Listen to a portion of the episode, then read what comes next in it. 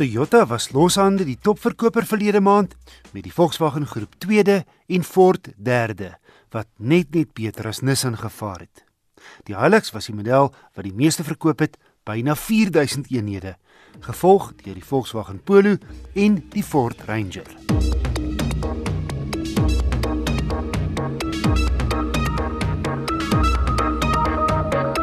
Almal doen dit deesdae.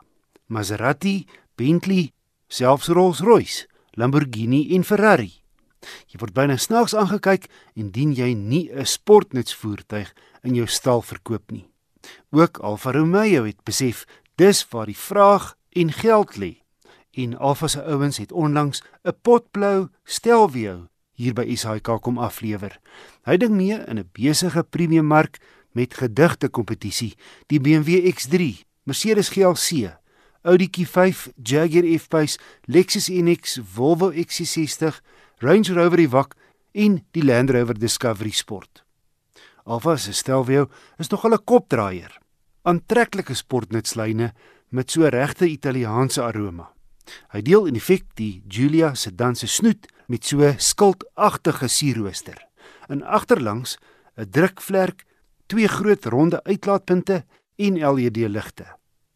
Binne word die Italiaanse vleuer voortgesit met goed soos die stuur en instrumente wat 'n klassieke Alfa voorkoms het. Die materiaal wat gebruik word kan ek egter nie as premium beskryf nie. Met ander woorde, nie in dieselfde klas as Volvo, BMW, Mercedes en Audi nie. Dis harder. Bloedgemiddeld en heeltemal voldoende, maar nie premium nie. Wel 'n baie mooi Alfa stuurwiel met die aan- en afsluitings knop hier in die stuur ingebou. Parkeersensors voor en agter as ook 'n driebeeld op die sentrale skerm. Die agterste deur kan met die druk van 'n knop oop en toe.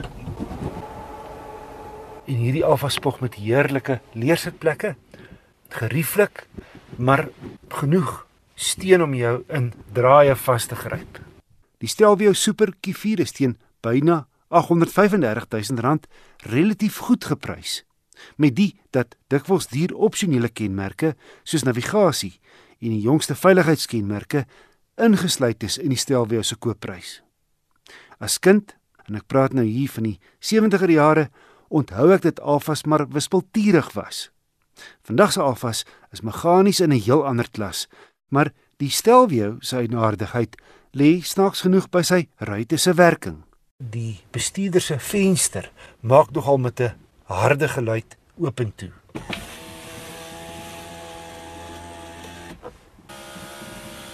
Anders as die ander ruitte wat met minder drama oop en toe maak.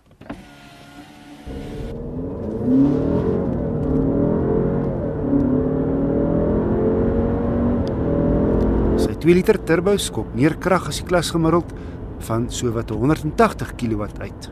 206 kW en 400 Nm wrinkrag via 'n gladde 8-spoed outokas draf hy 0 na 100 in net 6 en 'n half sekondes skaf. Met die gebruik van volop aluminiumpanele is hy ook ligter as die kompetisie. Dinamies is hy tops, skerp hantering, 'n baie akkurate stuurgevoel, kragtige rieme en die versnelling verrassend flink. Agterwiel aangedrewe Die voorwiele skop net in wanneer sy blikbrein bykomende greep nodig ag. 'n Gemiddelde stad ooppad verbruik egter die hele iets swaarder as die vervaardiger se syfer. Alfa gee 'n gekombineerde syfer van 7 liter per 100 km. Ek het 9,4 gemeet. Die kajuit in Kattebak is ruim vir 'n voertuig van 4,7 meter en wat my opgeval het is die gerieflike rit oor ongelyke oppervlaktes gegee sy sportiewe aard. Ek vermoed sy relatiewe hoë 60 profiel bande help in die verband. Om op te som, Alfa se eerste sportnuts, die Stelvio, maak jou meer deel van die bestuurservaring as ander premium sportnutse. 'n Eienskap so reg in die Alfa tradisie. Al noemenswaardige negatiewe is die harde plastiek plekplek in die kajuit wat afsteek teen sy luukse mededingers. Maar die pretfaktor saam met die Stelvio se voorkoms en goeie spasiebenutting maak die Alfa na my mening 'n uitblinker in die 800 000 rand Premium Sportnutsglas.